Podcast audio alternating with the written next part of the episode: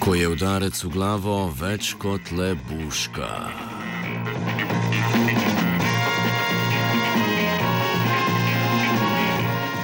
V znanstveni reviji Neurobiology of Disease poročajo o metodi, s katero je mogoče opazovati možganske mikropoškodbe, ki jih povzroči že manjši udarec v glavo. Ameriška znanstvena ekipa je merila posledice, ki jih takšne poškodbe pustijo na malih sivih celicah v teže dostopnih globljih pasteh možganskega tkiva.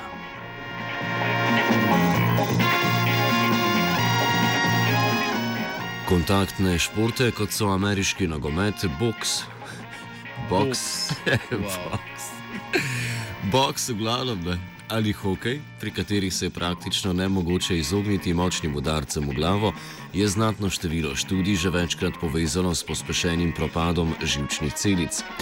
Takšne procese vidimo denimo pri Alzheimerjevi ali Parkinsonovi bolezni. Aktualna raziskava pa je preverjala, ali so morebitne mikrospremembe možganov povezane tudi z nekoliko blažjimi udarci.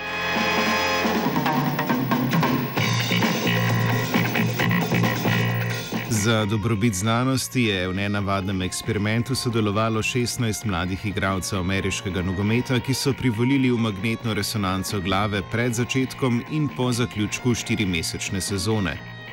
Srednješolci so med treningi in na tekmah morali nositi posebno čelado, ki je zaznavala vsak še tako majhen udarec, če je le igralčevo glavo dosegel s pospeškom večjim od 10 G. Do konca sezone je vsak igralec v povprečju prejel približno 420 takšnih udarcev v glavo, skoraj polovica pa jih je priletela v frontalni del glave.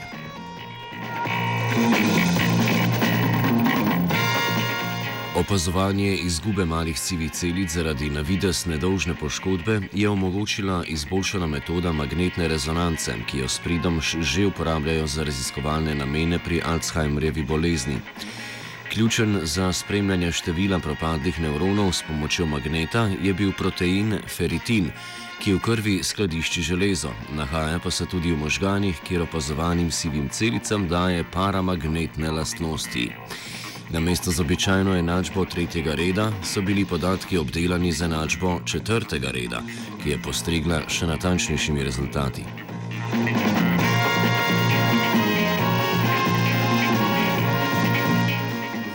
Raziskovalke in raziskovalci za čuda niso zabeležili propadanja aksonov, torej dolgih izrastkov žilčnih celic, ki segajo na periferijo in jih udarec doseže najprej. Zato snovalci študije špekulirajo, da bi ta fenomen morda lahko pripisali njihovi hitri regeneraciji. Zanimivo pa je, da so bile mikrospremembe v frontalnem delu še najizrazitejše na nasprotni polovici možganov, glede na lokacijo udarca.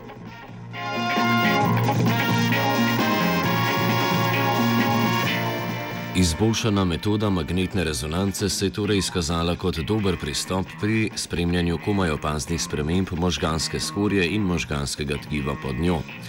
Za relevantnejše rezultate pa bo poskus treba ponoviti na večjem ozorcu. Za konec velja pripomniti, da ugotovitve niso aplicirane le na profesionalne športnike, temveč tudi na motorično manj spretne posameznike, ki se nadpovprečno pogosto udarjamo v glavo.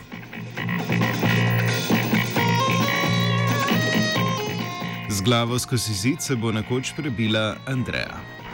Three, two, one.